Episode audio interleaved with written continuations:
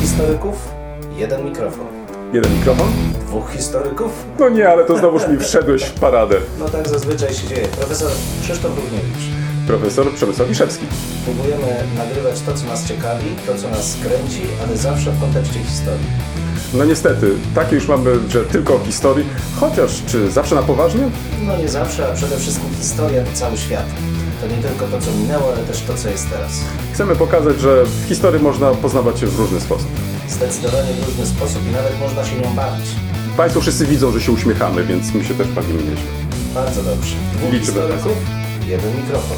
Jeden mikrofon? Dwóch historyków. Czy kolegę pogoda dzisiaj zaskoczyła? No, muszę powiedzieć, że zaskoczyła mojego psa, bo moja Baśka wyszła. O właśnie, jak sobie radzisz, słuchaj, y, bo przecież ostatnio nawet słyszałem, że jest teraz o duży problem z biednymi psami, bo jak chodzą po tej soli i tak dalej, no to, to, to, to, to, to z tymi łapkami pieczą, właśnie pieczą, tak, tak. I Znaczy co, można- jakąś balsam, coś takiego jest? Wiesz co, ja robię tak, że jeśli wychodzi na sól, to przemywam jej potem łapki. A. Bo to, wiesz, no... Ale, ale p- będąc na spacerze w, w, nie płacze? Nie, nie, nie. nie. Jest Baśka. dzielna. To jest twardy pies, to A. jest jednak mimo wszystko kundel. Ale takich papuci nie, nie, nie, nie za- Wiesz zakładasz. co, mają...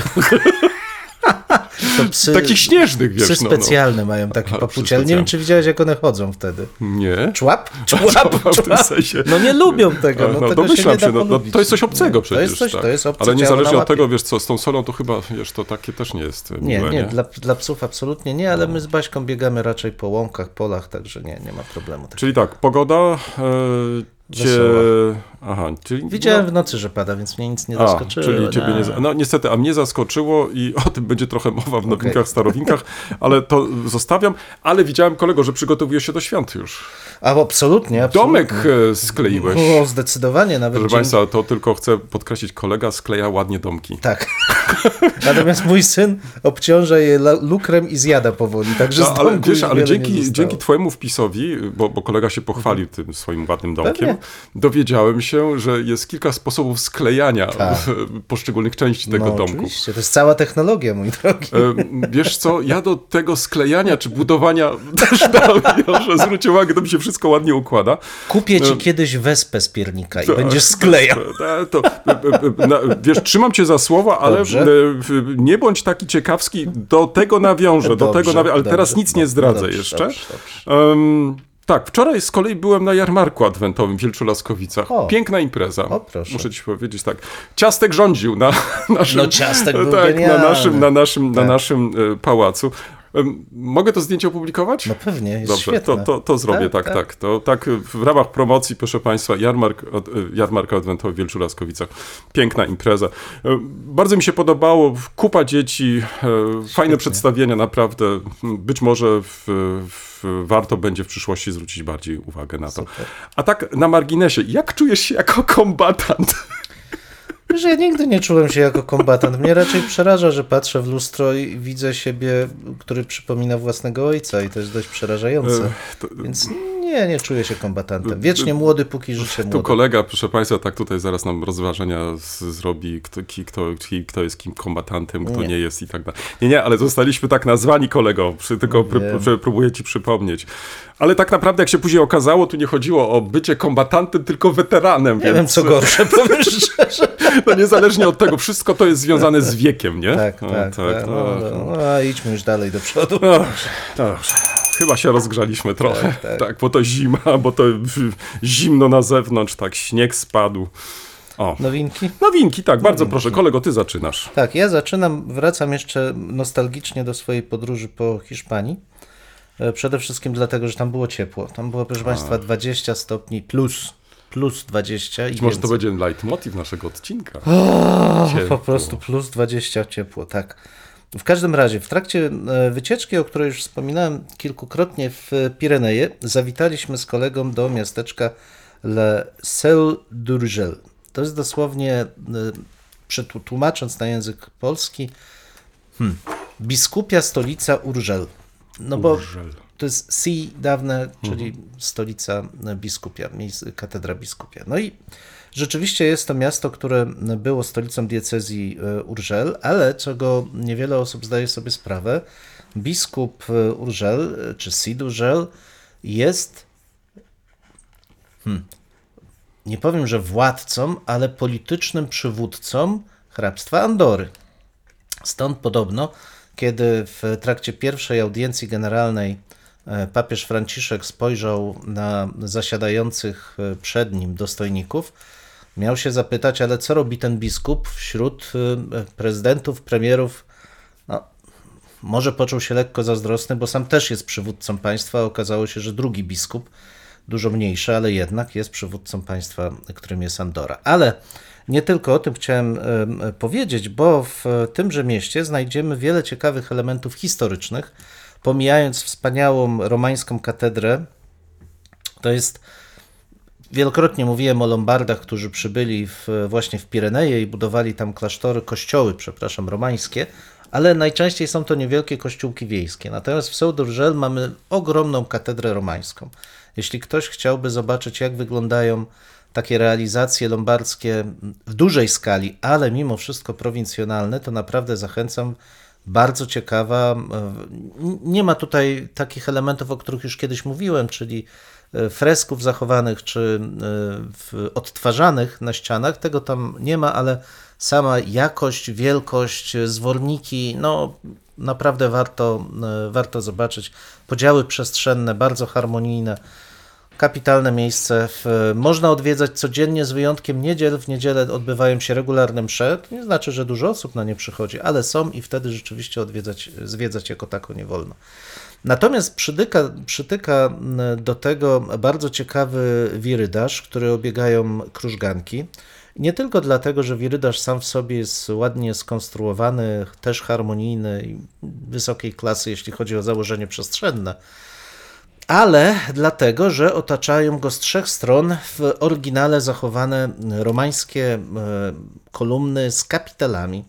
Każdy z kapiteli jest inny. Wszystkie mają taki charakter apotropaiczny, odpę mający odpędzać zło, ale też i w, nauczać, bo przedstawiają albo potwory różnego typu, albo w różne mm, przedstawienia grzechów. Kilka z nich może wrzucimy Państwu, żeby mogli Państwo zobaczyć, jak, o, czym, o czym rozmawiamy. Natomiast dla mnie intrygujące było przedstawienie zwierząt w tych, w, na tych kapitelach, ale też i fakt, że grzechy popełniali tam na równi, czy przedstawienia grzechów są reprezentowane na równi przez mężczyzn i kobiety. kobiety. Zatem cały świat przepełniony jest. Czyli nie tam, tylko kobiety. Nie tylko kobiety, właśnie. Tam mężczyźni też grzeszą. Co ciekawe, o ile w romańscy i autorzy fresków, i autorzy tych rzeźb nie mieli specjalnych obiekcji przeciwko przedstawianiu nagiego ciała ludzkiego, w tym tych części intymnych, o tyle późniejsze wieki już miały dużo i te części są albo utrącone, albo w, zamazane, więc trochę, no, trochę to traci, bo jednak jest tam cała to znaczy symbolika. utrącone rozumiem, że odbito tynk. Ponieważ to są kapitele, to dosłownie skuto część, część przedstawień. Zachęcam bardzo serdecznie także dlatego, że w Saint-Urgel możemy zobaczyć pozostałości po rzymskim okresie starożytnym. Na terenie w, przylegającego do bazyliki, czy właściwie niedaleko znajdującego się bazyliki, hmm, nazwalibyśmy to ratuszem, choć to jest no, pałac miejski, bo taką, taką nazwę nosi w języku katalońskim, hiszpańskim, tam czy obywatelski właściwie.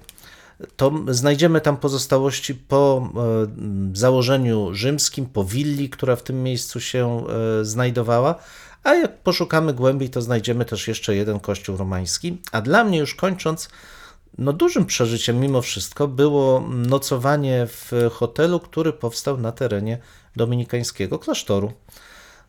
Kolega, z którym jeździliśmy, profesor Flossel Sabate Kurul, w, trochę śmiał się z tego swoistego hmm, zabezpieczania i konserwacji zabytku, bo pod takim hasłem zostało przejęte jeszcze w czasach frankistowskich założenie klasztorne, bo polega to na tym, że w zasadzie wszystko zostało usunięte, zostało trochę zewnętrznej skorupy, czyli murów. Cały wirydarz klasztorny jest dzisiaj patio, ale taki, gdzie można zjeść śniadanie, wszystko pod, przykryte oczywiście Wchodząc do środka w zasadzie nie ma się świadomości, że jest się w budynku historycznym i szkoda, bo rzeczywiście te przekształcenia zaszły za daleko. Tym niemniej bardzo ciekawe przeżycie. E, Polecam nocowanie w tym hotelu sieci Parador. Nie mam z tego żadnych procentów. I, i samą wizytę w Seudurgel, a chwilę potem przejazd na przykład do Andory, ale o tym już w kolejnym odcinku może. Tym samym nie zachowały się żadne em, piwnice z winem? Wiesz co, nie, piwnic z winem chyba nie ma, bo jest parking. Niestety Ach, wszystko ojej, wygrzebano, ojej, zrobiono. ojej. No mówię ci naprawdę, tak Czyli dalece wypruto prze- wszystko. Wypruto wszystko, no nie jest to fajne. Dziękuję. Bardzo proszę. Kolego, y, ponieważ wspomniałem dzisiaj y, na samym początku o warunkach pogodowych, mm, kiedy stałem w korku, bo niestety dojazd do Wrocławia nie był odśnieżony, więc auta posuwały się bardzo wolno. Tak zastanawiałem się, jaką wybrać nowinkę starowinkę. I przypomniałem sobie, że przecież nie rozmawialiśmy na temat, kiedy pojawiły się opony zimowe. O proszę, no. O, czy Nie zadałeś sobie kiedykolwiek to Nie, pytanie? nie, przyznaję, Bardzo że nie. cię proszę. Tak sobie pomyślałem, że pewnie kolega nie zwrócił na to Nie, uwagi. bo a- jeździ tramwajem, więc mi to tam... Tak, e, e, tak, tak, ale zaraz, ale autem, autem też jeździsz przecież, no. No ale rzadko, teraz głównie tramwajami. No dobrze, czyli to oznacza, że albo kolega ma opony całoroczne, mam tak? zimowe, mam tak? zimowe, mam. E, Albo oszczędza na oponach. Kolega oszczędza, ale, tak. ale zupki chińskie to tylko dobrze. droga do tego, żeby No kupić jednak bezpieczne. Jednak opony. bezpieczne opony. No dobrze, otóż y, y, sprawdziłem, wiesz, kiedy pojawiły się pierwsze opony zimowe i trafiłem na bardzo ciekawą rzecz, mianowicie opony jako takie pojawiły się w drugiej połowie XIX wieku. Ym, ale pierwsze opony zimowe, to znaczy na fakt, że warto byłoby się zastanowić nad y, oponami ym, letnimi i zimowymi, pojawiły się na początku XX wieku. Ale e, zanim do tego doszło, opona zmieniła swój kształt. To znaczy, mm, znalazłem takie określenie, ale tu możesz mnie zastrzelić, możesz mnie pokrajać, ale ja po prostu nie, nie potrafię sobie tego wyobrazić. To znaczy, były opony, które nie miały bieżnika. Podobno dzisiaj też są takie opony i nazywa się je sliki, ale, ale nie pytaj mnie o, co, o co chodzi. Tak, tak, one są, jak ktoś lubi na przykład tak zwane bączki kręcić, to może To te sliki zakładać i one Ach, mają sliki. lepszy poślizg. Ach, widzisz, to, to, to ja w takim razie takich opon nie zakładam. życiu. tak, bo, bo, bo akurat jakoś tak. Ja no, kiedyś już wiem. wykręciłem bączkę i Tak, więc y, właśnie, może, może przez tą moją ostrożność jakąś taką. ym, No, no dobrze, ale niezależnie od tego, także i takie opony są, więc ym, pierwsze opony z y, tak zwanym bieżnikiem pojawiły się na początku XX wieku. I co ciekawe, mm, ym, były już zbliżone do tych naszych współczesnych opon. No i tutaj może przy tej okazji warto wymienić te marki, które wtedy się pojawiły i które zaczęły dominować na, na rynku oponiarskim, jeżeli tak to mógłbym określić. Pojawiła się firma Dunlop, ale także i Goodyear. Y, Dunlop już w 1908 roku, y, w 1909 roku zastosował bieżnik i Jak wyczytałem, biednik, bieżnik na przykład Gutiera jest do dzisiaj używany mniej więcej w tym kształcie, który został wtedy zaproponowany. Jednak e, jeśli chodzi o mm, samą oponę zimową, to ta pojawiła się dopiero e, kilkanaście lat później, mianowicie mm, w 1934 roku e, i w, w, wyprodukowała ją fińska firma Nokian Tyres. Nie wiem, czy tak to się wymawia, ale w każdym razie tak Tire. to. Czy Tire, tak? Ale no, No, okej. po angielsku. Okay, tak. W każdym razie y, w, w 1934 roku i początkowo y, była pomyślana dla y, samochodów ciężarowych. Tak więc nie myślano tutaj o samochodach osobowych, tylko ciężarowych i co się okazało, tak się spodobała ta opona kierowcom fińskim, że firma postanowiła dwa lata później wyprodukować opony z kolei dla mm, kierowców aut em, mm, osobowych. I co ważne, ta opona się przyjęła, to znaczy uznano, że jest to faktycznie bardzo fajne rozwiązanie i w, tym samym zwiększono em, nie tylko przyczepność, ale także i bezpieczeństwo jazdy. W niektórych e, opracowaniach podaje się, że mm, do takiej masowej produkcji i upowszechnienia opony doszło jednak dopiero po II wojnie światowej.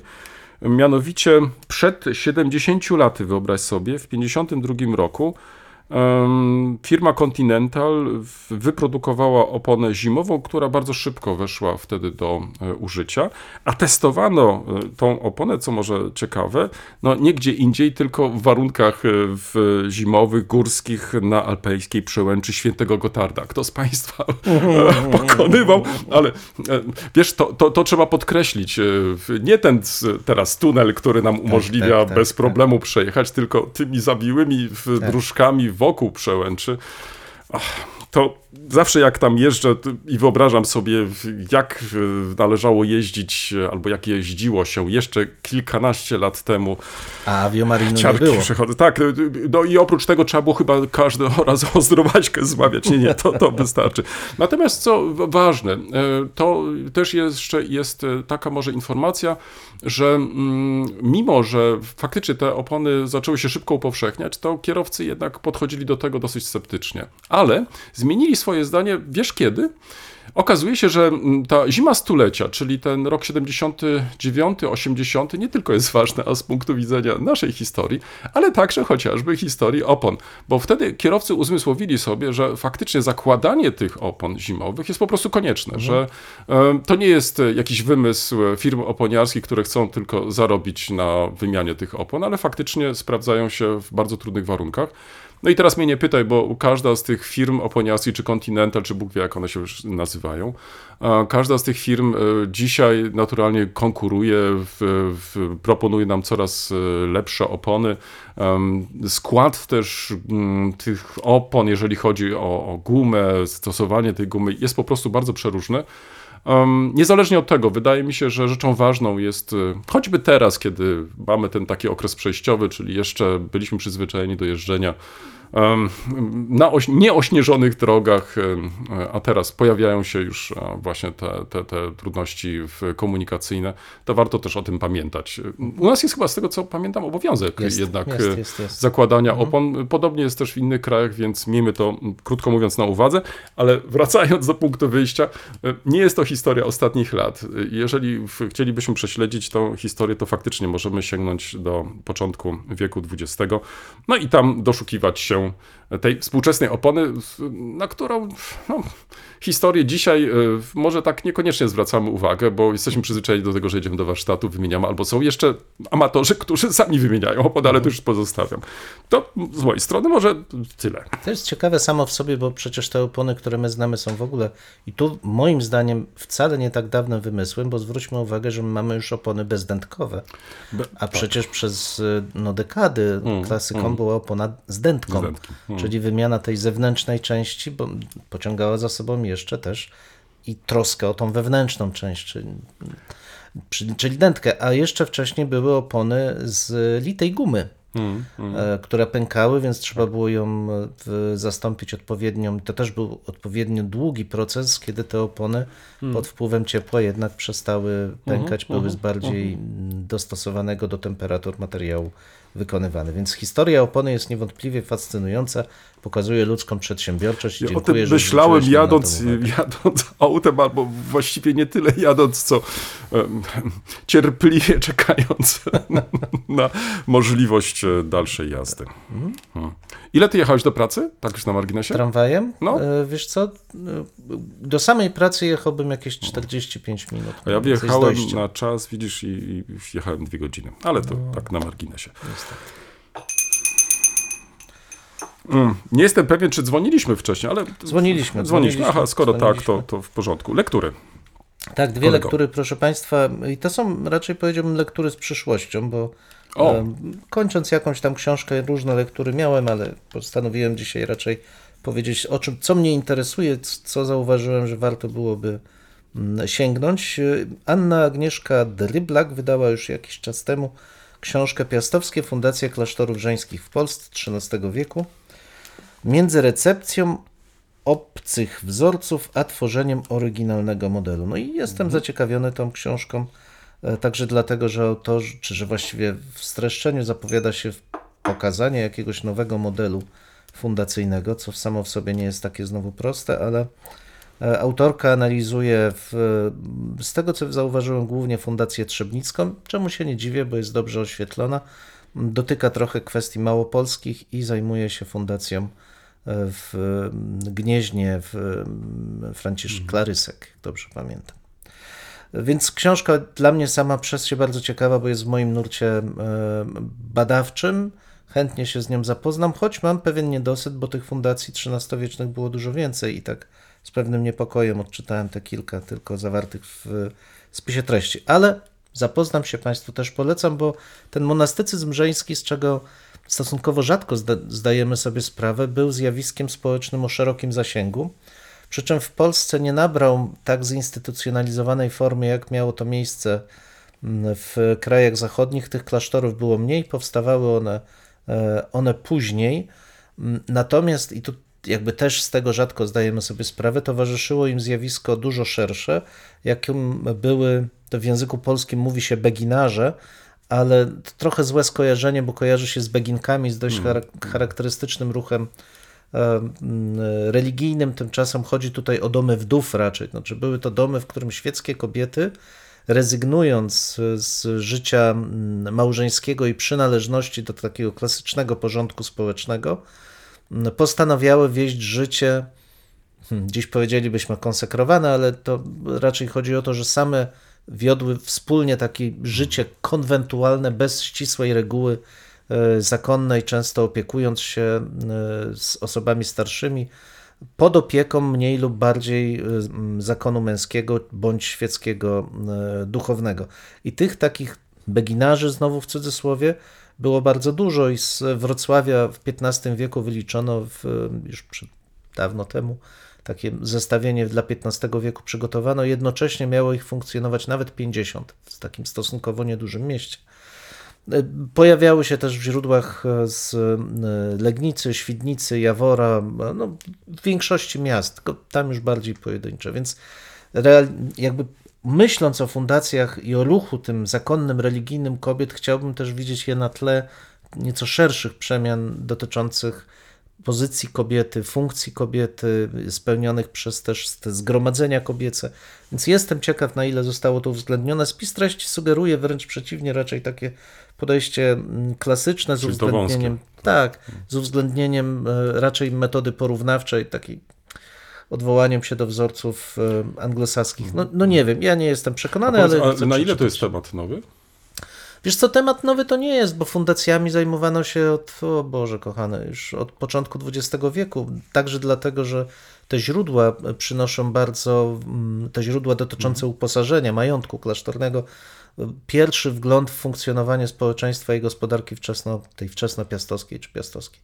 Więc temat nie jest nowy, natomiast tym bardziej jestem ciekawy, na ile dotyczy to szerszych zagadnień no właśnie, społecznych. Bo, tak, bo, I tego mi bra bo, brakowało jest, w spisie treści. tak, bo, bo to jest treści. to pytanie, w, w, o no. które generalnie mi chodziło. To znaczy, jeżeli to nie jest temat nowy, to jest to okazja, żeby pokazać mhm. E, ten konkretny problem tak. na nieco szerszym e, tle i, i wskazać pewne podobieństwa, różnice i tak dalej. No ale myślę, że Pewnie za chwilę nas e, o tych mm, też no, powiadomisz, na ile Myślę, że coś tak, nowego, choć, tak jak mówię, no nie jestem mhm. tutaj jakby przekonany, bo przeglądając spis treści raczej widzę tutaj bardzo klasyczne pytania dotyczące relacji mhm. politycznych fundatorów, e, trochę dotyczących historii architektury, Um, i, i, już klasycznych związanych z fundacjami, czyli gdzie, kiedy, kto, dlaczego i z jakiego klasztoru. No, więc nie jestem tutaj w, hmm. optymistą, ale chętnie zajrzę, bo mówię, temat religijności kobiecej i form instytucjonalnych uważam za bardzo istotny.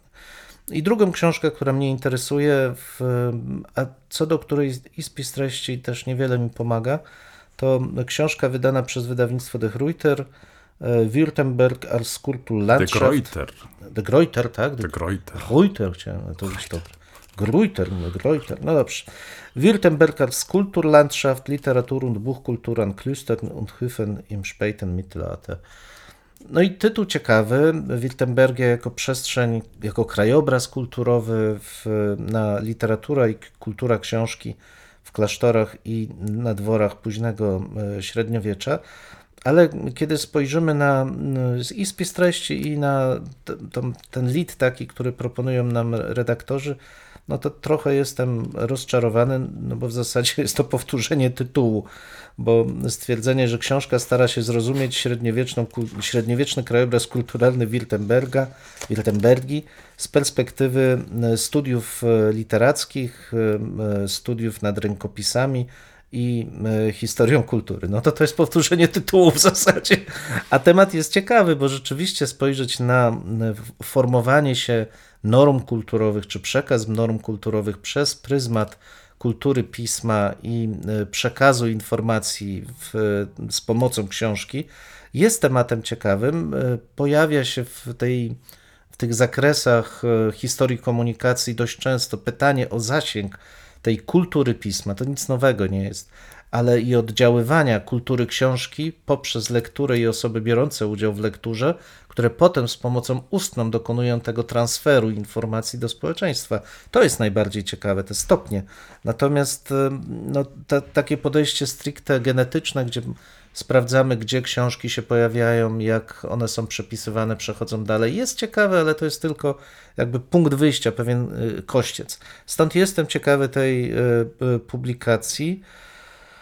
E, zwłaszcza, że ukazała się w serii pod znaczącym nazwą Kultur Topografii des Alemannischen Raums.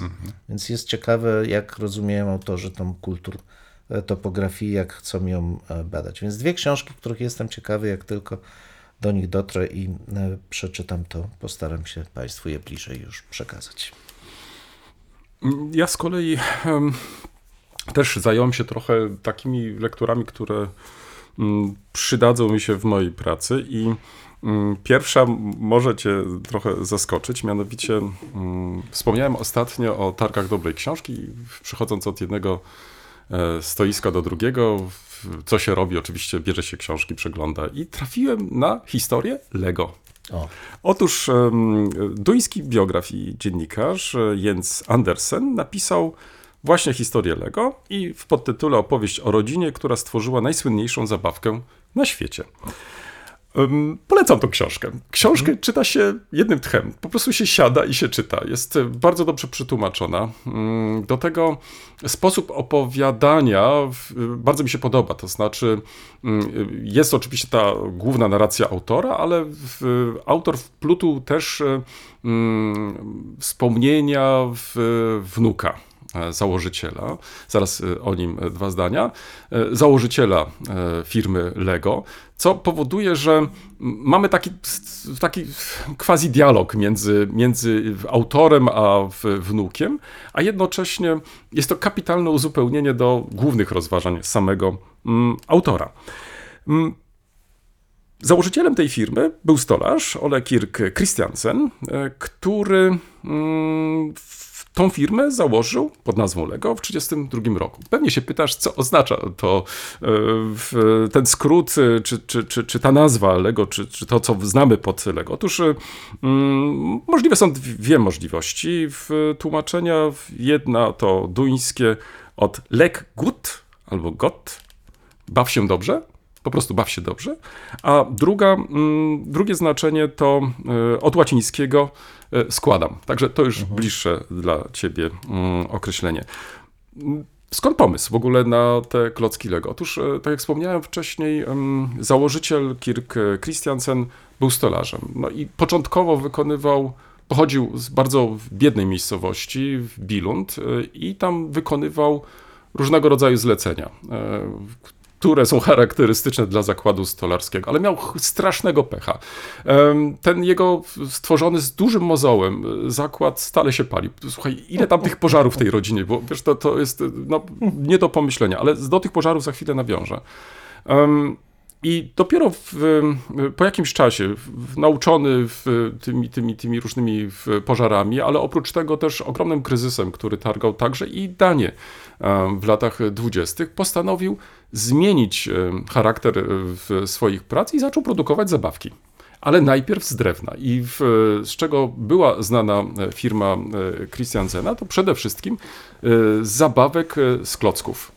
Czyli musisz to sobie wyobrazić, takie na przykład ptaszki czy inne, które dzieci ciągnęły za sobą, wiesz, cieszyły się bardzo dużym e, e, zainteresowaniem, powodzeniem i to powodowało, że mm, początkowo ten taki wyrób, no można by było powiedzieć, nie brany przez mieszkańców poważnie, z biegiem czasu zaczęto zwracać uwagę, że faktycznie na tym można nawet i pieniądze zarabiać. Później e, doszło do tego, że zwłaszcza po II wojnie światowej zaczęto się zastanawiać, e, jak e, poszerzyć ten asortyment, ponieważ te klocki z drzewa wykonywane zaczęły jakoś wychodzić z użycia.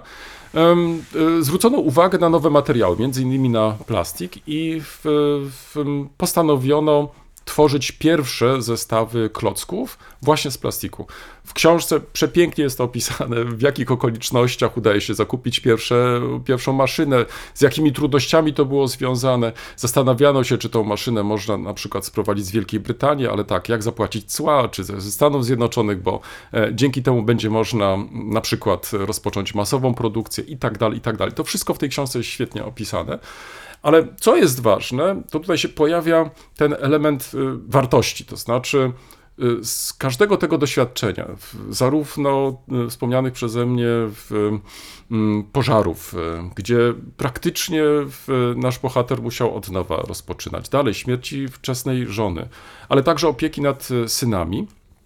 Mm, wartości odgrywały w jego biografii bardzo ważną rolę, zwłaszcza to co dzisiaj właściwie hmm, jakoś tak trudno nam sobie to wyobrazić, ta ogromna wiara w Boga.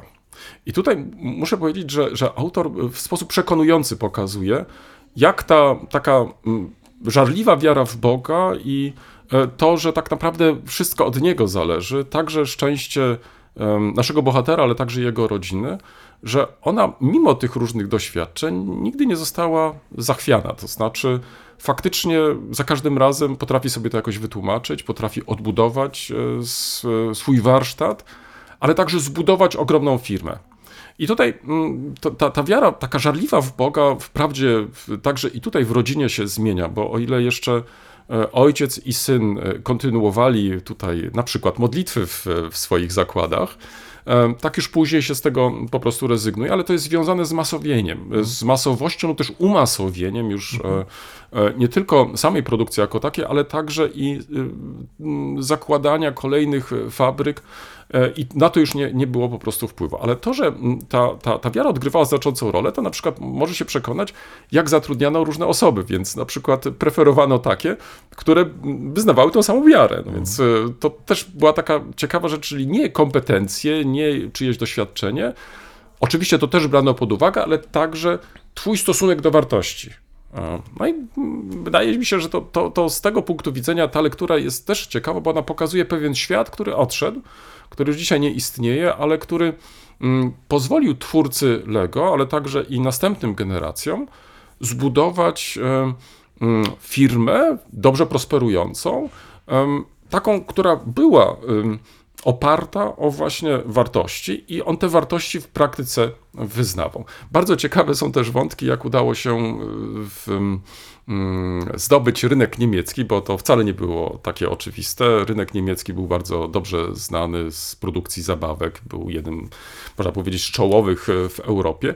To się jednak udaje i udaje się to też z dużymi trudnościami, ale co sprawia, e, i może tą część e, w relacji o tej książce chciałbym e, zakończyć, zachęcając wszystkich Państwa do, do, do lektury. To jest to, co, na co szczególnie zwróciłem uwagę.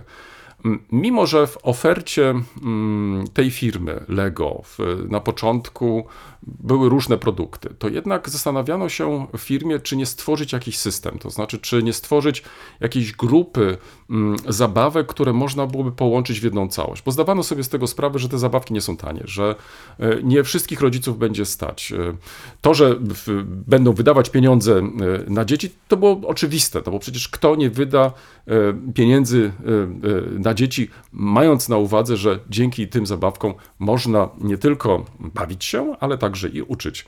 Dlatego też twórca e, firmy Lego wpadł na pomysł, ażeby stworzyć system e, tych zabawek i zaczął od tworzenia miasta.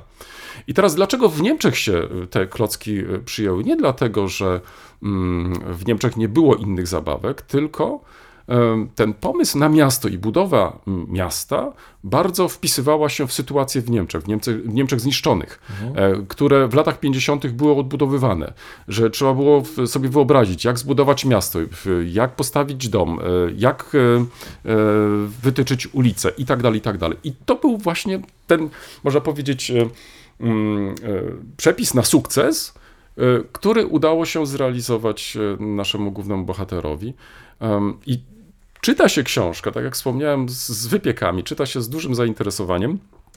E, Serdecznie ją e, polecam, bo to może trochę taka inna jest lektura niż e, te dotąd przez nas proponowane, ale myślę, że czas jest szczególny. Być może będziemy chcieli się też trochę pobawić. Bo zwróć uwagę, e, klocki Lego to nie są tylko klocki dzisiaj dla dzieci. Zresztą kolega przed chwilą mi tutaj podrzucił e, skuter jako taki. Zresztą chwaliłem się w, jakiś czas temu e, skuterem z klocków Lego, no więc pomyślałem sobie, że nawiążę do tego i proszę bardzo. Klocki Lego są także dla dorosłych kolego. Możemy się Tak, trochę tak, tak, podbawić pod choinką, no. Tak, tak. A możemy sobie nawet zażyczyć No, chyba, nie? zestaw technik Tak. jakiś tam tak, Ale tu chciałem jeszcze tylko nawiązać do jednego, bo zaciekawiła mnie ta nazwa, bo ja, ja nie znam czasownika łacińskiego składać, który miał Legare być chyba, tak? Lego. Nie, bo Od- Mhm. Lego legere legilectum to znaczy czytać. I to jest ciekawe, że jeśli rzeczywiście to wzięło się od czytania i rzeczywiście... ale to jeszcze, jeszcze mogę, jeszcze poszukam, poszperam. posz- tak, poszperaj, następnym, razem, następnym razem ci e, Ja doniosę. kojarzę właśnie bardzo ładne instrukcje z Lego, które moje dzieci właśnie same w wieku kilku lat zaczęły czytać i to pomagało im jakby zrozumieć samą zasadę konstrukcji, w ogóle konstruowania. To jest bardzo, bardzo ciekawe samo w sobie. Ale może te pierwsze rzeczywiście zachęcały do czytania i stąd sama nazwa od Lego, ale też i tropem może być protestancka postawa samego założyciela, bo przecież czytanie w kulturze protestanckiej no to podstawa dotarcia do prawdy, sola scriptura jednak mimo wszystko. Jak Państwo słyszą, kolega nie tylko zwraca uwagę i tutaj zasiewa pewne, pewne wątpliwości, ale też potrafi pięknie wytłumaczyć. Tak, e, dobrze, to tylko przypomnę już tak e, dla zasady. Jens Andersen, Historia Lego, opowieść o rodzinie, która stworzyła najsłynniejszą zabawkę na świecie. E, Wydawnictwo WAP w tym roku. I dwie może takie krótsze już wskazówki bibliograficzno, mm, bibliograficzno, ale też takie manualne, bo zawsze można je w, w sobie obejrzeć też i posprawdzać. Mianowicie, mm, pierwsza to jest cmentarze żydowskie w zachodniej Polsce. Bardzo ciekawy projekt, który właśnie został zrealizowany. Mm, Otóż e, jest to mapa, na której naniesiono, naniesiono te wspomniane cmentarze, ale zrobiono to w sposób bardzo ciekawy, mianowicie ponieważ chodzi tutaj o zachodnią Polskę, poczekaj, a chcę otworzyć tą mapę, już otwieram. E, To na tej mapie znajdziesz miejsca, w, które, gdzie znajdowały się te cmentarze lub też znajdują się te cmentarze, mają one różny status i tutaj na tej mapie bez problemu znajdziesz według e, opracowanych kryteriów, na przykład e, takie nagrobki, które się zachowały całkowicie, które są w większości zachowane, w większości zniszczone, nagrobki ustawione na nowo i tak dalej, i tak dalej. Tak więc na tej mapie naniesiono mm, te różne oznaczenia, także każdy z nas, kto mm, jest tą problematyką zainteresowany, to ma bardzo e, ciekawy przegląd, ale na tym nie poprzestano. Ja jeszcze tylko mm, e, może wspomnę, że autorką e, tego projektu jest pani dr Abraham Tiefenbach. Następnie mm, do tego projektu należy także nie tylko wspomniana mapa, ale to, co szczególnie mnie zainteresowało, to jest to kolejny przykład projektu, w który mm, można potraktować, albo tą mapę, którą mam teraz przed e, sobą, można potraktować jako pewną ramę, jako pewien punkt wyjścia, ponieważ em, na tej mapie zamieszczono kody QR i za pomocą tych kodów QR możesz em, mm, znaleźć dodatkowe informacje. Oczywiście na tej mapie zawarto podstawowe informacje o przykładowych e, cmentarzach, ale mm, poprzez kody QR nie tylko dotrzesz do tej mapy, nie tylko dotrzesz do bazy danych cmentarzy żydowskich w Brandenburgii na przykład, ale także i e, do mm, da, bazy danych cmentarzy żydowskich w zachodniej Polsce. Naturalnie jest też e, osobny kod QR o projekcie, do którego też odsyłam.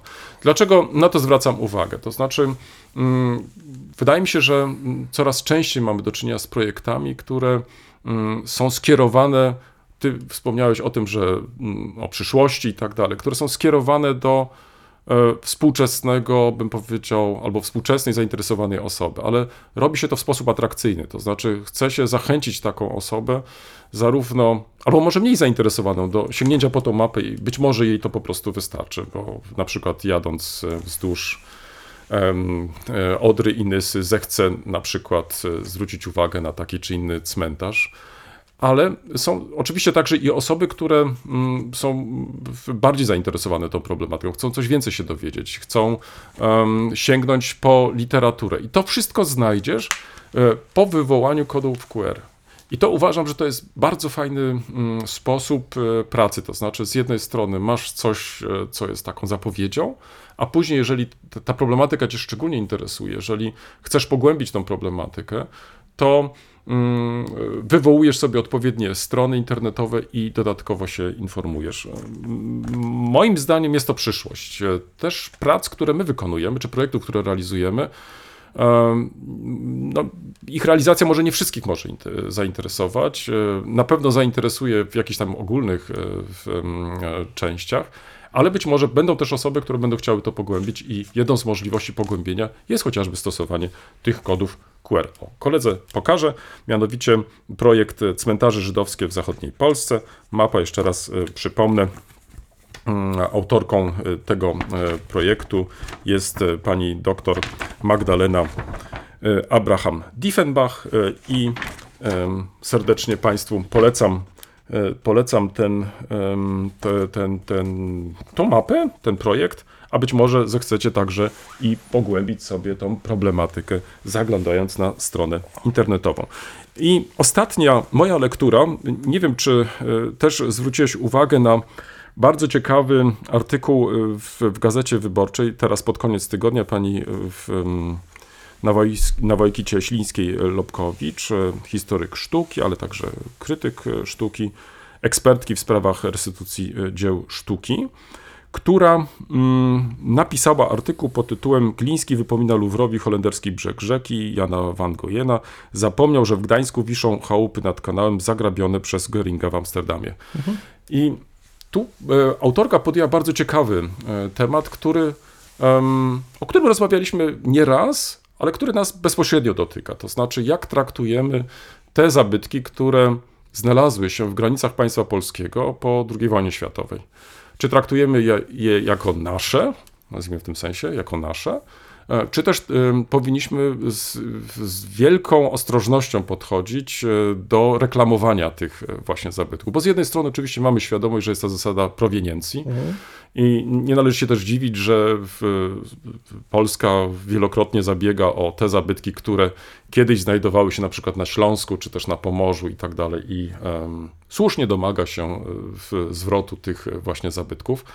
Ale mm, jak pokazują te historie, które przytacza e, pani e, Nawojka Cieślińska-Lubkowicz, historia w, niektórych zabytków wcale nie jest taka oczywista. To znaczy, one nie znajdowały się od samego początku, nazwijmy to tak, na, na Śląsku, czy też na, w innych obszarach, te- obszar, terenach Polski, które Polska przyjęła po II wojnie światowej w wyniku tego przesunięcia ze wschodu na zachód. Ale one się pojawiły na przykład dopiero podczas II wojny światowej. I już takie proste stwierdzenie, że to należy do Polski, do kogoś innego, już nie jest takie oczywiste.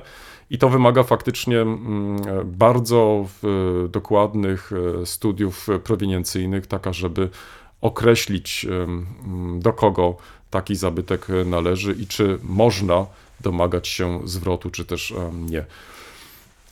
Tutaj od razu wtrącę, że jeden z naj.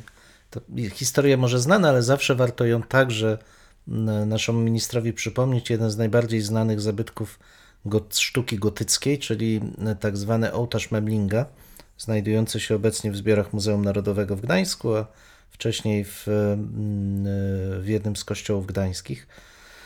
No, powstał w, nie, nie dla Gdańska, tylko powstał dla medyceuszy florenckich i w trakcie transportu został e, przechwycony przez e, kapra e, gdańskiego w 1473 e, roku, no i przywieziony do, e, do Gdańska. I gdybyśmy się tak nad tym e, zastanawiali, no to e, powinien zostać zwrócony albo do Florencji, albo do Niemiec. To nic tutaj nie jest, e, nic tutaj nie jest proste, najlepszym tego przykładem są zbiory i sztuki antycznej, i e, sztuki e, no, lokalnej z terenu Afryki czy Azji, które są przechowywane i w Louvre, i w większości, może nawet w Polsce, galerii czy muzeów sztuki, które teoretycznie też powinny być zwrócone. Czy do Włoch, czy do Grecji, czy wreszcie do poszczególnych regionów krajów Afryki i Azji, ale są przechowywane raczej dziś już z myślą o tym, że no, po prostu mogłyby zginąć, gdyby zostały y, przekazane do mm, terenów, w których y, powinny się znajdować, czego najlepszym przykładem są działania ikonoklastów na terenie Iraku czy na terenie e, Afganistanu. To są trudne tematy i ich poruszanie powinno być zawsze związane z naprawdę głębokim namysłem, a nie intencją polityczną. Wiesz, bo y, nie wiem, czy sobie przypominasz, ale kilka tygodni temu wspominałem o tych działaniach muzealników austriackich, niemieckich, ale także y, w innych krajach europejskich, jeśli chodzi o badanie pochodzenia, to znaczy to prowenienzforschung. Em, Jestem ciekaw, czy także i w Polsce coś takiego jest e, robione w kontekście tych zbiorów, które mm, znalazły się e, na obszarach Polski podczas II wojny światowej. Nie tylko te, które zostały zagrabione, ale też te, które znalazły się na obszarach i czy na przykład y, mm, e, jest jakiś wykaz, jest jakaś dyskusja. Nic, nie spotkałem się z czymś takim. Natomiast trochę niepokoi mnie inna rzecz, na którą zwraca y, autorka y, uwagę.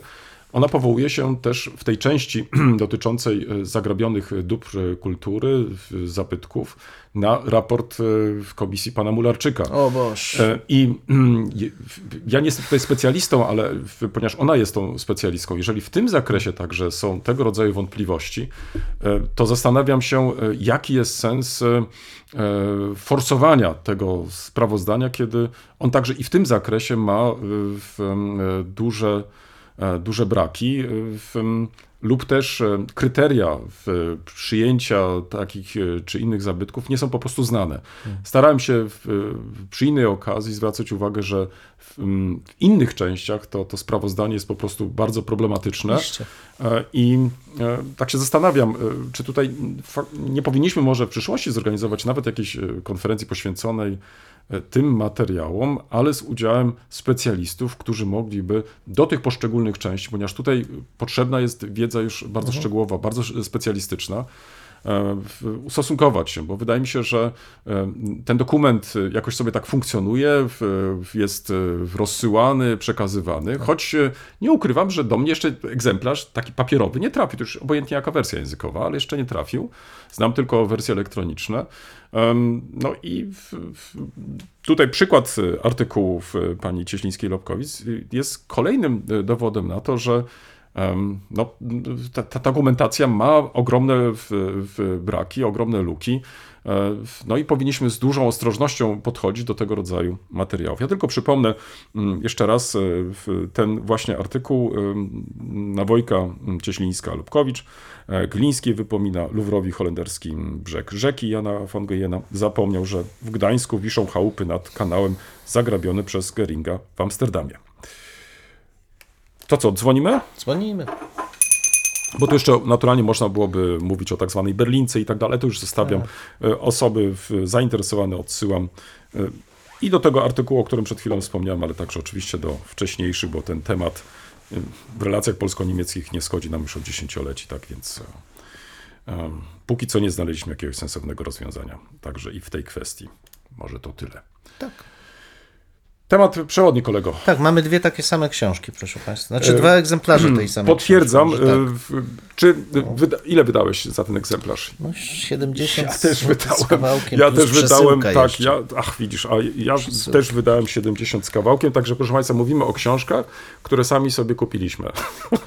Tak, nikt nas nie Tak, nikt nas, tak, nikt nas nie sobie- sponsorował. Nikt nas tak, nie, nikt nas już, nikt nas nie kocha. Tak, nikt nas nie. No, Poza może nie, może nie, może nie to, może nie to, tylko tak, tylko tutaj nie otrzymaliśmy od autorów. Przed nami książka Wprowadzenie do metodologii historii. Obiecaliśmy tydzień temu, Mhm. że zaczniemy tą książkę czytać i będziemy ją komentować. To kolego, to zacznijmy może, jak, jeśli pozwolisz, Mhm. od jakichś ogólnych może uwag. E, Czy chcemy to jakoś ustrukturyzować? Na przykład y, jakieś takie ogólne uwagi, a później takie bardziej szczegółowe, czy, czy jak to chcemy Tak, no zrobić? myślę, No, że może. tak. No, ja- ja może zacznę od strony takiej mm, edytorskiej, może tak, bo to chyba najbardziej Estetycznej. Estetycznej. tak. No więc jestem głęboko zawiedziony. znaczy tak, y, nie, jest to podręcznik, więc jakby nie oczekuję tutaj em, Cudów. cudów. Y, I na plus bym powiedział, że jest w środku i dużo wykresów i E, I ilustracje są, i grafy, i, czyli można powiedzieć, od strony podręcznikowej się trochę dzieje. Na minus powiedziałbym, że czasami one są i są bez e, jakiejś refleksji. Są też niewielkiej wielkości, więc czasami ciężko z ich e, czytelnością, ale. Mm, Ale, w, mm, no ale są, są podkreślenia. No właśnie, Mamy- słuchaj, ty zrozumiałeś, na czym, jaki sens jest tych podkreśleń? Nie, znaczy do tego jakby wrócę potem. Natomiast roz, zrozumiałem to instynktownie, że skoro się coś podkreśla, to To to jest ważne. to, to trzeba jest ważne po prostu. tak. To, to jest jakaś esencja. Tak. No, można dyskutować, czy jest, czy nie. Minusem, mówię, dla mnie jest e, coś, że mamy na przykład, to mnie, przepraszam, ale to mnie aż nie powiem, że ubawiło, ale, ale jest e, coś z tym głęboko smutnego, że w rozdziale czwartym pana Wiktora Wernera i Piotra Kowalewskiego Jachromi mamy schemat myślenia historyka, opracowanie własne na ustaleniach Stanford History Education Group. Jest schemat myślenia historyka, proszę Państwa, i ten schemat jest kołowy. Mamy, y, no, no dobrze, nie będę zdradzał. Niech każdy sam zobaczy, jak, jakim schematem myśli historyk. Ja od razu powiem, że ja się niekoniecznie identyfikuję z tym schematem ze strony 87, ale rozbawiło mnie to, więc, więc podaję taki przykład. Co w czcionka jest, myślę, że akceptowalna, jest to w miarę e, przejrzyste. Mm, Ale margines jest, słuchaj, bardzo Margines wąski. jest wąski, ale rozumiem, że tu chodziło o to, żeby zmieścić jak najwięcej w jak Mhm. najmniejszej objętości, e, objętości papieru. E, kończąc te jakby uwagi wstępne, to mogę powiedzieć, że jednak e, oczekiwałbym, żeby w, jeżeli zakłada się jakiś materiał ilustracyjny, wprowadza się go, no to mimo wszystko coś szerszego z tego wynikało. Natomiast czasami mm, Czasami jest to wręcz e, zadziwiające, po co coś takiego mamy. W rozdziale pierwszym Jana Pomorskiego przedmiot metodologii historii, jej zakres i struktura. Pomijam już, że mamy zdjęcie w restauracji i w księgarni, ale co z tego ma wynikać, to nie wiem. To mamy też coś takiego. Niekiedy historyk stara się tę kuchnię nam przybliżyć, opowiedzieć o niej wprost. Oto przykład. I mamy zdjęcie Adama Kerskena. Kerstena kuchnia I. I zdjęcie Adama Kerskena pracy Tak. pod e, tytułem Na tropach Napierskiego. I teraz pytanie, ale po co to? Tak. To oczywiście mogłoby mieć sens, gdybyśmy mieli opracowanie jakby Mhm. ciąg dalszy jakiś, ale nie ma, więc sensu też i nie ma. I ostatnia już uwaga, naprawdę ostatnia. Mamy XXI wiek, wprowadzenie do metodologii historii i mamy tylko wersję papierową. Tak, tak. Ja rozumiem, że jakby ma taki element e, marketingowy, znaczy pewnie wydawnictwo szacowne, PWN, obawiało się, że jeśli dam formę elektroniczną, to studenci sobie po prostu będą ten plik wymieniać między sobą, y, no bo, no bo czemu by nie i tak straci wydawnictwo na tym, że nie kupią wersji e, papierowej, tylko tak, i tak dalej, i tak dalej. Ale proszę Państwa, naprawdę XXI wiek i mamy jedynie wersję papierową, dla mnie to jest nieakceptowalne. To znaczy, ja jestem już przyzwyczajony do tego, że po prostu ja nie mam miejsca u siebie w domu na książki. Bardzo sobie chwalę to, że mogę kupować wersje elektroniczne, przechowywać je na komputerze, czytać się na jednym z czytników, no cokolwiek. Wrzucanie kolejnego opasłego tomu, nie rozumiem tego naprawdę. Zwłaszcza, że jeśli wydawnictwo się obawia, no to powinno zawalczyć raczej o to, żeby otrzymywać jakiś procent od, nie wiem, tak jak jest to przyjęte. Zresztą to działa od producentów kserokopiarek i tak dalej. No, no, no po prostu to się dzieje. Moim zdaniem lepszym rozwiązaniem jest wyjść naprzeciw potrzebom klienta i rozprowadzać to w formie elektronicznej i też w ten sposób zarabiać, niż zmuszać nas do mozolnego zamawiania, oczekiwania, aż książka przyjdzie, zagryzania palców, przyjdzie czy nie przyjdzie, a potem pytanie, no i co ja mam dalej z tym grubym tomem zrobić wśród innych wielu grubych tomów, które mam w swojej mm, bibliotece. Tyle uwag wstępnych. To, to jeśli pozwolisz, to ja też zatrzymam się przy tych uwagach e, najpierw e, wstępnych. Mm, Powiem tak, że, że dostać książkę w miękkiej oprawie jest problematyczne. Dalej, em, książka, która kosztuje, em, ja nie mówię jeszcze teraz, kiedy, kiedy mogliśmy kupić po cenie promocyjnej. Znalazłem e, jedną z księgarni, która proponuje tą książkę za 109 zł. Chciałbym zapytać, który ze studentów e, będzie w stanie zakupić tą książkę. E, to już pomijam, e, 109 zł, ale nawet bym i te 109 zł wydał. Nawet bym wydał i 150 zł, bo tu jesteśmy zgodni, że mamy do czynienia z książką, która, mm, na którą czekaliśmy długo, w, w, która powinna nas e, wprowadzić w XXI wiek i w zagadnienia metodologii dotyczące e, historii.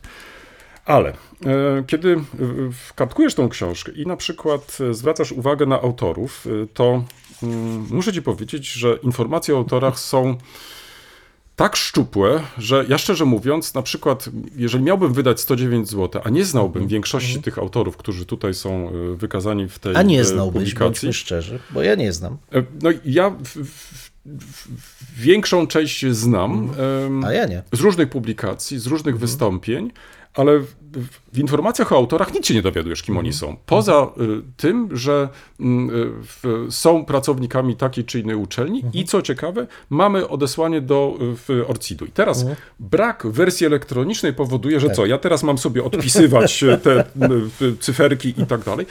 To, ta uwaga dotyczy też i stron internetowych, które są, y, czy na które powołują się autorzy poszczególnych tekstów. Tak. Co to oznacza? To oznacza to, że ja też mam sobie to odpisać? No proszę Państwa, no to tak się nie wydaje książek. To znaczy, y, nie wiem, czy to jest zarzut teraz do autorów, czy to nie jest y, Nie, do zarzut do wydawnictwa wydawnictwa raczej. i do Tak, redakcji, tak. która nie pomyślała, że y, dzisiaj tak się książek po prostu nie wydaje. Y, Nie bez powodu. Wspomniałem o w projekcie cmentarzy i Mhm. podałem, że na mapie zamieszczono kody QR. Bo to jest, proszę Państwa, dzisiaj teraźniejszość nasza. Tak. To znaczy, zamiast wklepywać e, adres internetowy, skanujemy sobie i wtedy możemy Mhm. bez większych problemów sięgnąć e, na taką. Ale pytanie jest, czy na przykład, ale teraz jest pytanie do autorów, do redaktorów, ale także i uczestników tego projektu. Czy pomyśleli o tym, żeby tak jak, nie wiem, czy sobie przypominasz ten podręcznik e, czeski do XX wieku, o którym ostatnio tak, rozmawialiśmy, że ten podręcznik tworzy ramę, natomiast to laboratorium historyczne, które jest em, częścią składową tego podręcznika, pozwala nauczycielowi i uczniom wyjść poza ten podręcznik, wyjść poza tą ramę i sięgnąć do internetu i w, na odpowiedniej stronie internetowej znaleźć informacje dodatkowe, pogłębiające i tak dalej, i tak dalej. Tego niestety nie mamy.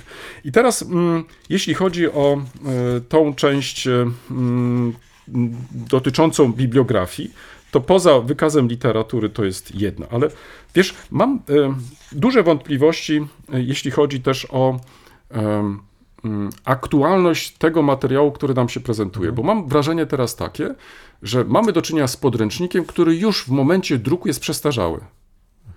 Zwróć uwagę, od dwóch lat, y, to nie dlatego, że chcę teraz tutaj promować jedną z moich stron, które y, tworzę, ale od dwóch lat prowadzę wykaz aktywności historyków w sieci. E, Historia w sieci. Nie ma w ogóle tutaj żadnego odsyłacza do tego. To znaczy, na tej stronie staram się zbierać y, i aktualizować stale aktywność historyków w zależności od kategorii twórczości. Tego w ogóle nie ma. To znaczy, ja mam wrażenie takie, że mm, w wielu przypadkach, e, jeśli chodzi o ten wykaz bibliograficzny, on jest bardzo przypadkowy.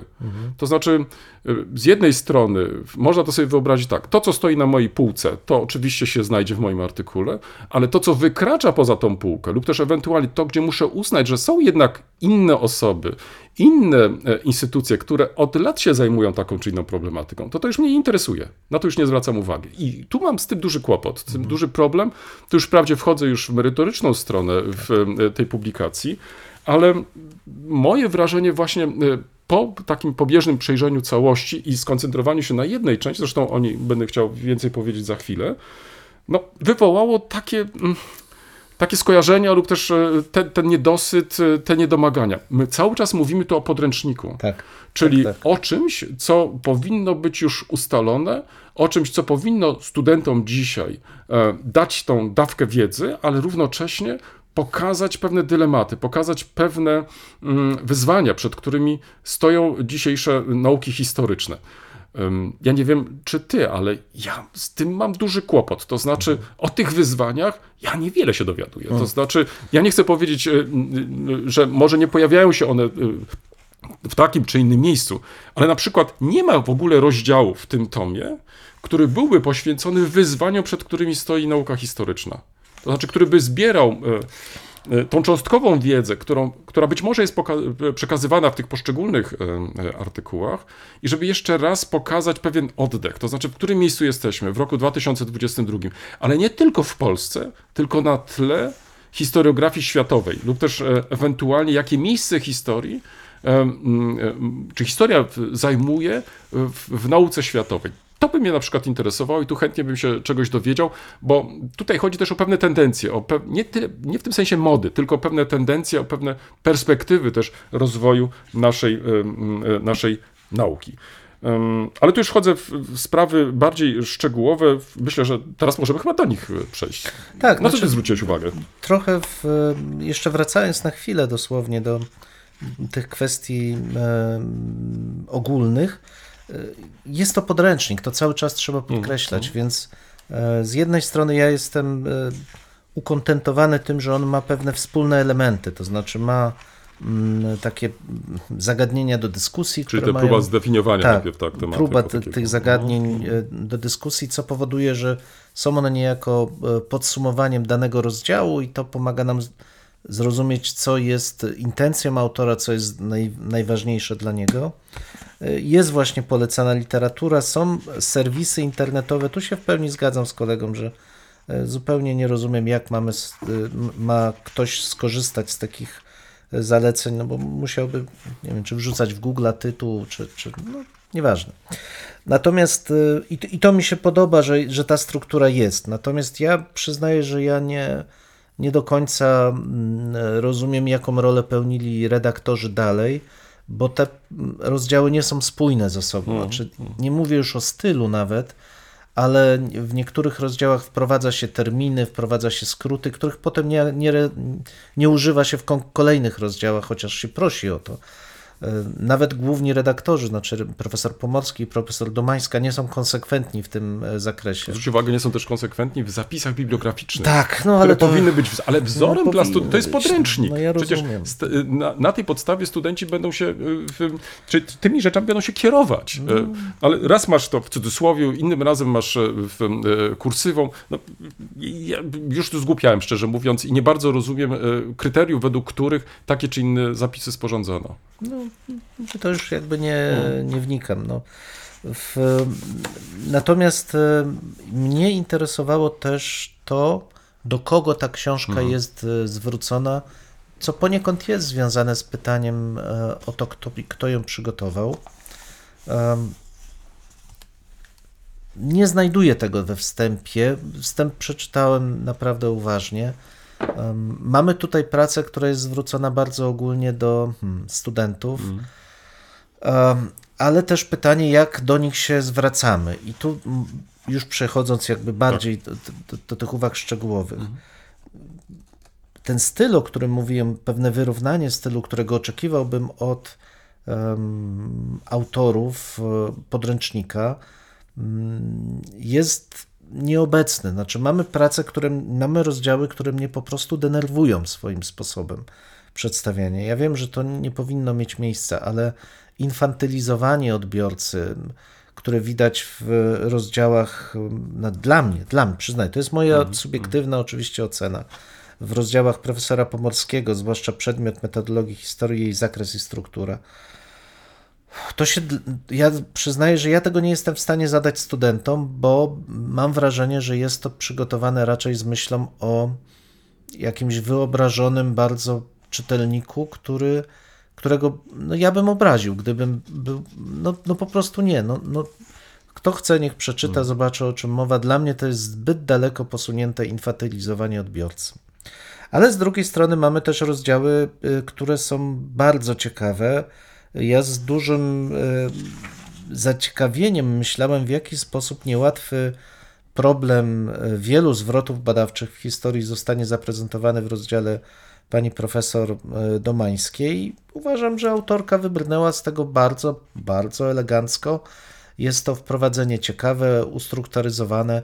Czy wyczerpujące to jest inna sprawa, bo mam wrażenie, że tutaj pani profesor wykorzystała literaturę anglojęzyczną kompletnie, pomijając refleksję w, innym, w innych językach. No ale to znowu wynika być może z tego, że jest to podręcznik i mamy tu do czynienia z koniecznością pewnego wyboru.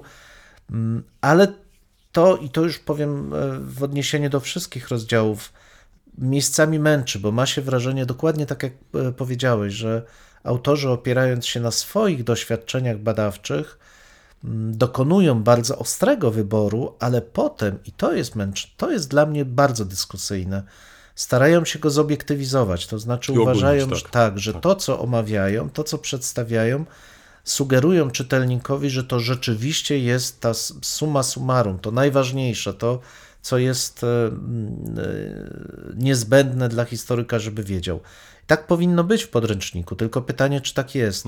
Mam duże wątpliwości co do, co, do, co do tego, co do wyboru, co do kryteriów wyboru, a nie znajduję odpowiedzi w, i we wstępie, i w poszczególnych rozdziałach odpowiedzi autorskiej. Dlaczego te elementy wybrali? Dlaczego uważają, że są najważniejsze? Czy rzeczywiście one dziś, tu i teraz są najważniejsze? Czytając bardzo ważny rozdział, moim zdaniem, o polityce historycznej, ja przyznaję, że miałem wrażenie, że pisze to ktoś, kto uważa, że, przepraszam, znowu bije się w pierś, ale dyskusje w kawiarni w Warszawie nie są tym, co dotyczy historii w skali globalnej. Znaczy, to nie są elementy najważniejsze i to nie są elementy, które rzeczywiście byłyby podejmowane przez historyków na całym świecie, a mam wrażenie, że miejscami to jest perspektywa autorska. Bardzo subiektywne oczywiście jest to moje wrażenie, ale no nie znalazłem argumentów, które wskazywałyby, dlaczego te, a nie inne publikacje są przez autorów uważane za kluczowe, za determinujące myślenie, a przynajmniej powinny determinować myślenie studentów Mhm. o tym, czym jest historia. No dobra, to tyle wstępu. Wiesz, tutaj moja generalna uwaga jest taka, ponieważ jest to podręcznik i to ma być podręcznik, który mamy wykorzystywać w trakcie zajęć z metodologii. Mhm. Ja już się zastanawiam, i to chyba każdy już teraz nauczyciel w szkole ma swoją siatkę godzin i wie, ile czasu może poświęcić na taki czy inny temat. No tutaj mamy do dyspozycji 33 tematy. Proszę Państwa, kiedy mamy to zrealizować? No ale to akurat powiedz, no masz 30 godzin zajęć, 30 no, ale tematy zaraz, da się no, nie, ale to masz tylko 15 zajęć. Przepraszam, po półtorej godziny, Przemku, no, ja zwróć wiem. uwagę, to masz tak, to masz no. z 30 robić się 15 mhm. i oprócz tego są to zagadnienia bardzo obszerne wielokrotnie i nie jesteś w stanie na jednych zajęciach zrealizować um, jeden, dwa, trzy tematy. To jest nie, naprawdę bardzo... musi być więcej zajęć. Nie, to oczywiście może być więcej zajęć, ale nie wiem, czy, czy taki jest sens tego. To znaczy, ja rozumiem też to założenie, że być może studenci, jeżeli będą tą książkę mieli w ręku, jeżeli będą po nią sięgać, w, przygotowując się do takich czy innych zajęć, być może będą też czytać inne części. No, ja chciałbym to zobaczyć. To znaczy, też nie chciałbym być tutaj w, w, negatywnie jakoś nastawiony do tego, ale wątpię, żeby poza może garstką studentów, tu, która będzie zainteresowana takim czy innym tematem, że oni po prostu sięgną, znajdą czas i będą chcieli na przykład też na ten temat dyskutować. Więc y, mam generalną uwagę co do wielości tematów i zróżnicowania tematów. Także podczas y, jednego semestru raczej trudno byłoby to zrealizować. Na metodologię należałoby poświęcić więcej czasu, być może nawet w trakcie całych studiów wracać do takich czy innych zagadnień. I teraz na co szczególną zwróciłem uwagę, to jest na tą, na tą część, która mnie bardzo interesuje, czyli metodologiczne problemy subdyscyplin y, historycznych. I teraz ja muszę ci powiedzieć, że no, byłem strasznie zaskoczony. To znaczy skoncentrowano się tylko na trzech, natomiast e, gdzie są pozostałe, lub też takie, które o wiele wcześniej się pojawiły niż na przykład e, public history, czy tak jak tu w tym konkretnym przypadku dalej e, historia wizualna, czy też historia cyfrowa. A gdzie jest na przykład problem, który by dotyczył historii społecznej? Jak ją traktować dalej? Em, e, jak na przykład traktować em, używanie historii przez inne dyscypliny, na przykład przez nauki, e, nauki e, społeczne. Tu myślę na przykład o socjologii historycznej. Tego instrumentarium w ogóle tutaj e, nie mamy. Nic nie proponuje się nam też w, w tym zakresie. Dalej, co się dzieje z, z takimi tematami jak temat gender na przykład, który wydaje mi się już wypadałoby, żeby poświęcić mu osobny rozdział, ponieważ jest to temat, który e, budzi spore e, zainteresowanie, ale także i kontrowersje. I w związku z tym wydaje mi się, że to już najwyższy czas, żeby także i taki temat e, przedstawić. Więc mówiąc wcześniej o tych perspektywach badawczych, być może można byłoby tym ostatnim rozdziałem wskazać właśnie te perspektywy badawcze, to znaczy pokazać, że są tematy, które się w jakichś okresach pojawiają, ale są też tematy, które będą nam towarzyszyć e, także i w następnych dziesięcioleciach i to są właśnie naszym zdaniem te. I teraz mm, wracam do e, tego rozdziału, e, mm, któremu poświęciłem szczególną uwagę, czyli historii wizualnej, historii publicznej historii cyfrowej. I tutaj Ci powiedzieć tak, że e, gdybym nie znał literatury tej obcojęzycznej, to, to, to zgodzę się z Tobą w pełni, że autorzy generalnie korzystają z literatury anglojęzycznej. Ponieważ e, tak się składa, że ja przede wszystkim e, w, zajmuję się e, Niemcami i, i w, czytam tą literaturę w tym języku, to ta została całkowicie pominięta. Ale też i doświadczenie niemieckie, na przykład w kontekście public history. Cały ruch Geschichtswerkstätte końca lat 70. jest tego najlepszym przykładem. Ale czy w Polsce okresu na przykład stanu wojennego też nie mamy przykładów public history, na przykład ośrodek Karta i tak dalej, i tak dalej. No i to, z czym nie ukrywam, mam e, spory problem, że autorzy unikają nam e, podania swojej definicji. To znaczy, wiesz, e, nie proponują nic w zamian, to znaczy przedstawiają nam i różne definicje, jakie przeczytali, jakie znaleźli i tak dalej. Natomiast mam wrażenie, tak jakby w ogóle mm, nie posiadali żadnej refleksji nad przedmiotem swojego zainteresowania. To jest szczególnie widoczne i jaskrawe w przypadku public history, gdzie my nie dostajemy żadnej propozycji definicji. Znaczy, my tylko zbliżamy się do tego, co to w ogóle może jest, ale jeżeli e, autorki w tym konkretnym przypadku przekonują nas, że dyskusja, debata na ten temat trwa już od lat 70., to zaraz, zaraz, to, to, to od tego czasu nie wypracowano e, definicji lub też autorki nie mogą zaproponować nam jakiejś definicji. Wiesz, i z tym mam też e, taki duży problem, bo to jest podręcznik. To znaczy, tu, tu nie chodzi o to, żebyśmy czytali kolejną pracę naukową i, zastanawiali się, hmm, to jest faktycznie dezyderat badawczy, że nad tym powinniśmy się zastanowić, powinniśmy podyskutować i tak dalej, tak dalej. Nie. Jeżeli już się podejmuje taki temat, to zakładam, że student ma wiedzieć, e, jaka jest definicja, e, jaka jest metodologia, jakie są przykłady. Teraz co do przykładów. E, Nie wiem dlaczego w przypadku Visual History, w, w, na przykład skoncentrowano się już już teraz, żebym tylko się nie pomylił, skoncentrowano się na, w, w, mm, jeśli się nie mylę, na reportażu.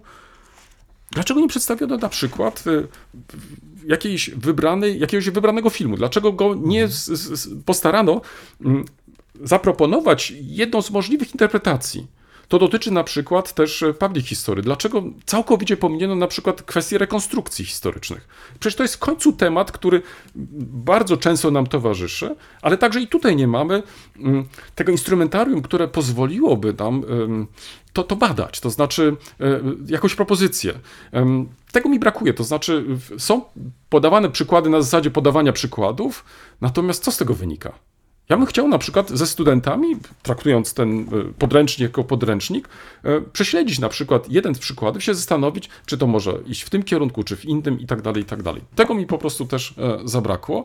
No i praktycznie w, no mam mieszane uczucia, to znaczy z jednej strony doceniam oczywiście sam fakt, że, że, że ten materiał powstał, że, że zadano sobie trud, że dyskutowano i tak dalej, ale mm, chcę może użyć takiego określenia, że e, podręcznik ten ukazał się e, za późno, on nie odpowiada po prostu dzisiejszym wyzwaniom, ponieważ ja oczekuję czegoś innego. To znaczy, ja oczekuję też tego, że student faktycznie będzie zaciekawiony tą materią e, metodologiczną, ale otrzyma to w taki sposób, który dla niego dzisiaj jest zrozumiały, to znaczy do czego on jest też przyzwyczajony.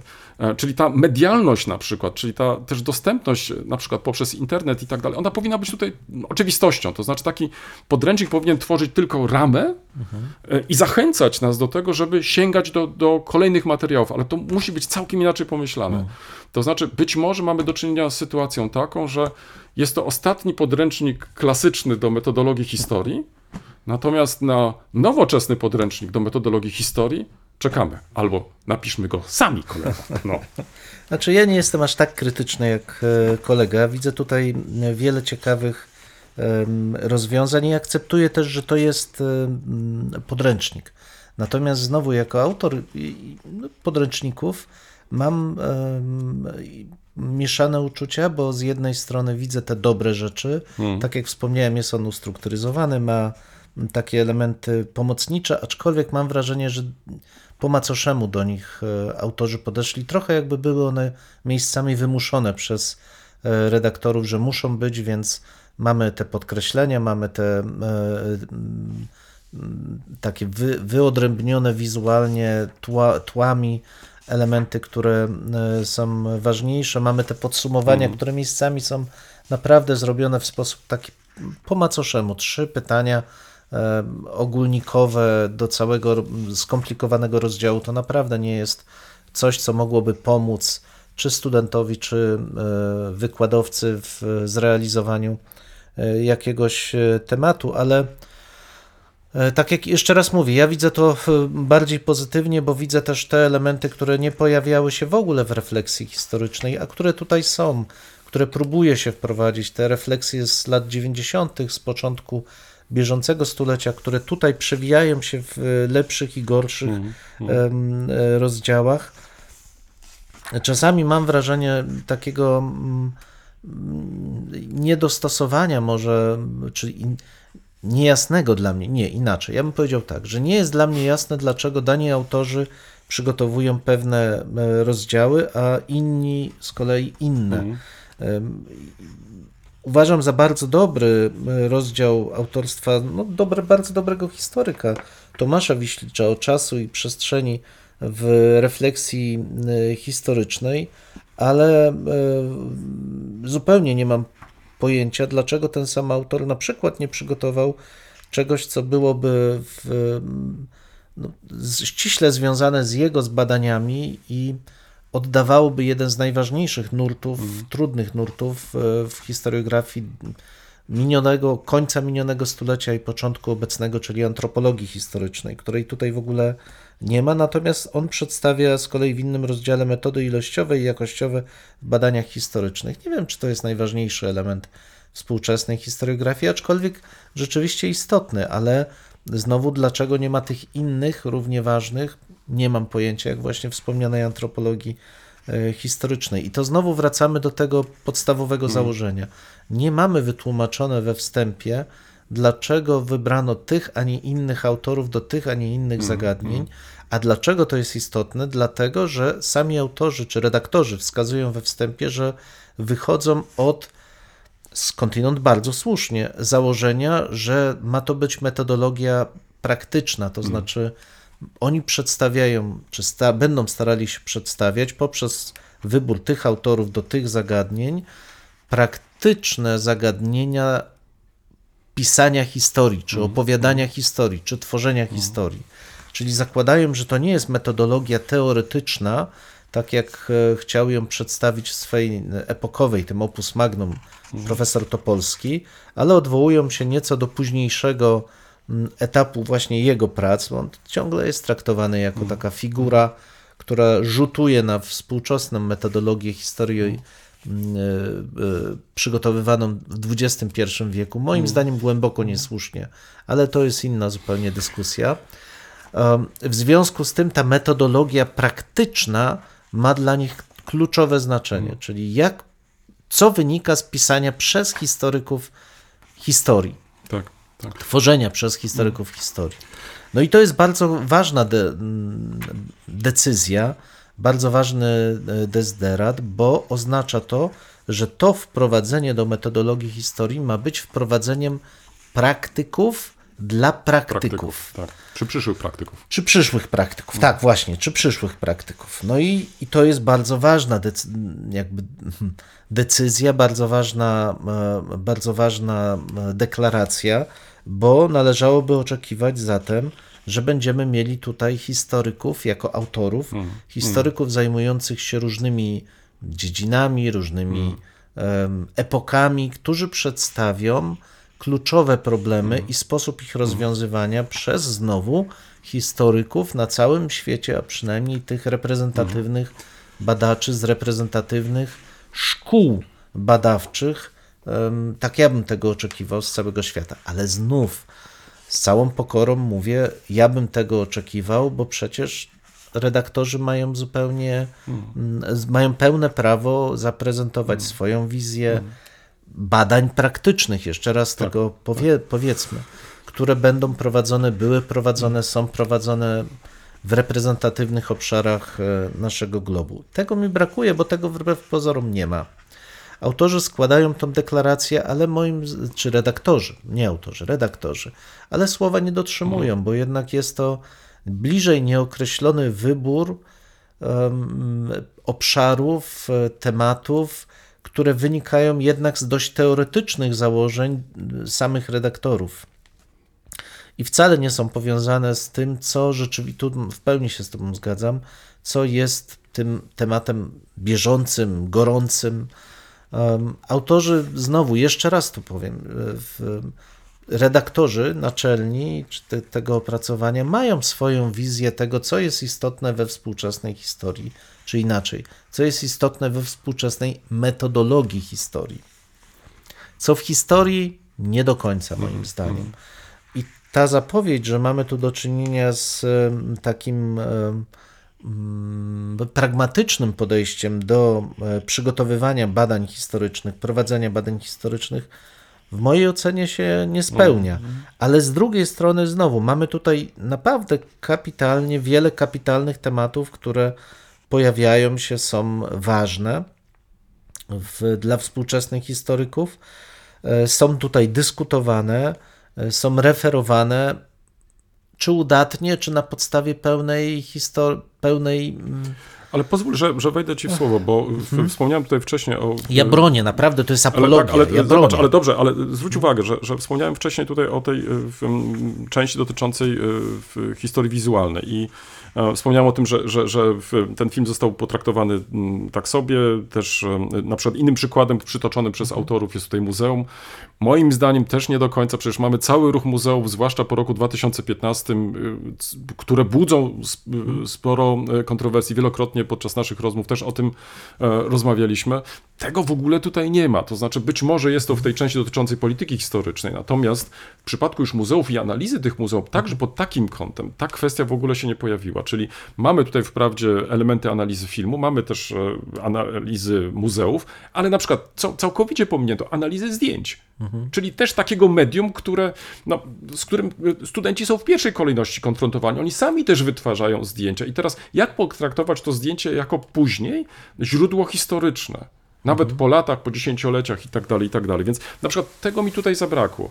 To samo w przypadku public history. W przypadku public history mamy na przykład o całym ruchu muzeów e, e, tych prywatnych, społecznych, czy też mamy na przykład o współtworzeniu dziedzictwa górniczego w Wałbrzychu.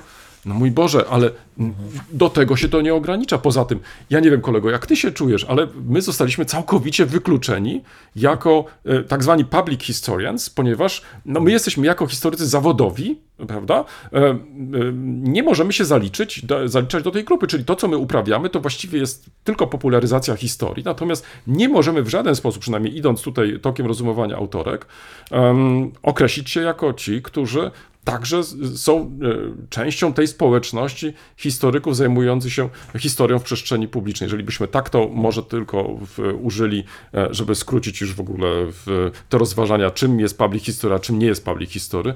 Więc e, uważam, że to jest ogromne nieporozumienie. Nie, no, No. wiesz, Wiesz, no i his- kiedy przygotowuje się e, e, pracę, która ma być skierowana do e, studentów, do adeptów historii, no to trzeba dokonywać wyborów. I ja to w pełni rozumiem i akceptuję. ale zdefiniuj to na początku. Ale właśnie do tego zmierzam, nie? że i nie mam tu nawet zastrzeżeń dla, do poszczególnych autorów, no bo oni znowu piszą tak, jak uważają, że jest to słuszne. Ja mam zastrzeżenie podstawowe do samych redaktorów, że wstęp jest dalece niewystarczający. Skoro wiedzą, a wiem, że wiedzą, no to wynika z ich wstępu zresztą, że jest to praca potrzebna, że jest to praca wyjątkowa, bo pokazuje się po naprawdę wielu latach, kiedy nie mieliśmy takiej, takiego opracowania. Mm, To jest to ogromna odpowiedzialność. Ja bym oczekiwał naprawdę klarownego przedstawienia, dlaczego te tematy przez te osoby, jeszcze raz podkreślając, dlatego że sami redaktorzy deklarują, że ma to być praca wynikająca z pragmatyki badawczej konkretnych badaczy, że ona ma być dla nich, dla tych adeptów, wstępem, ale bardzo pragmatycznym Konkretnie. konkretnym, wynikającym z doświadczeń badawczych i użytkowym dla doświadczeń badawczych ważne.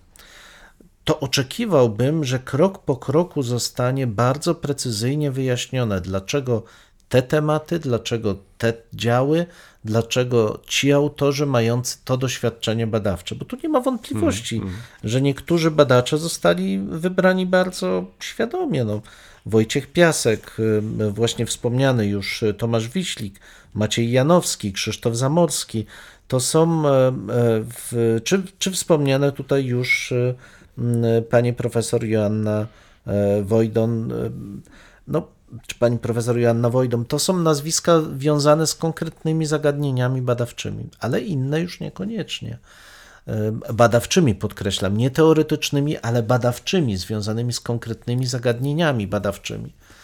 Więc z jakiegoś powodu te osoby zostały z tymi problemami i te problemy zostały e, poruszone, mm, ale innych osób, i innych tematów, innych zagadnień badawczych nie ma. Więc redaktorom coś przyświecało, a ja nie wiem co.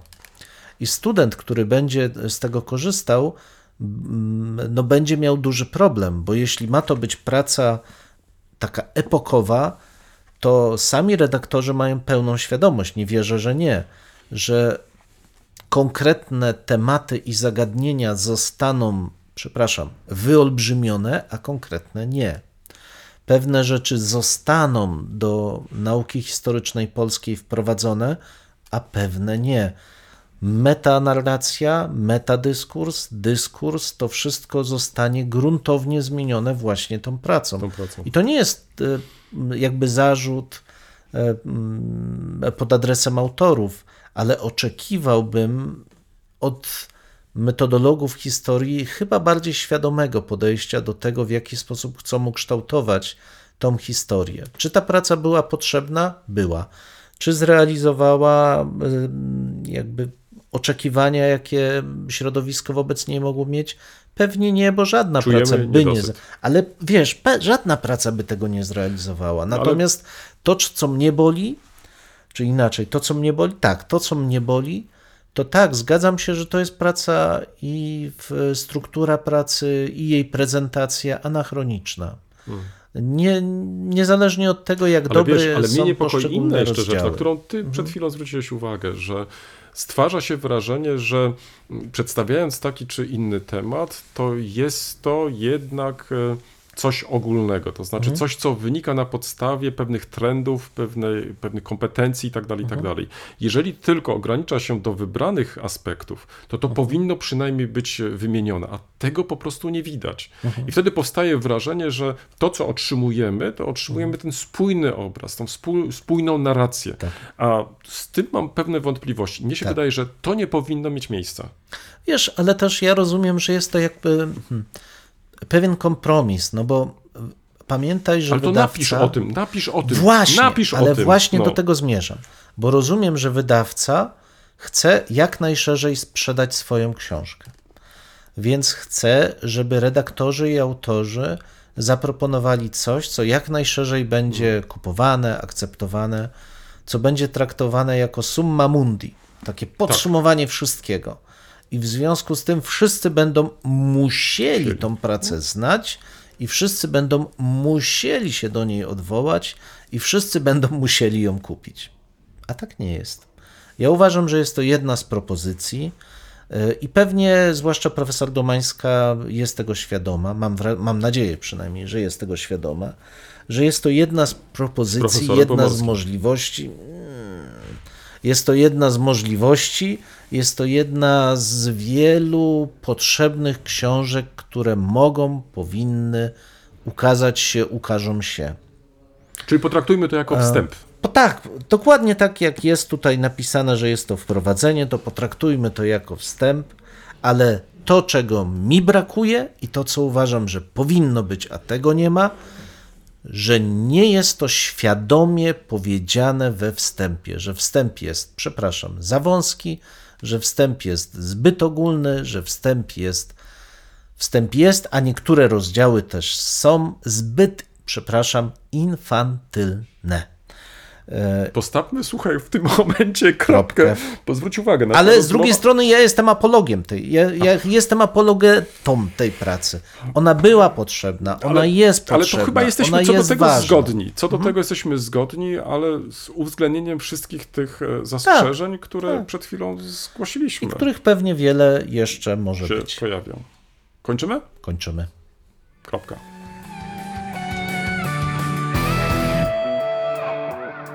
W tym miejscu stawiamy kropkę lub też jak to woli, kropkę nad i.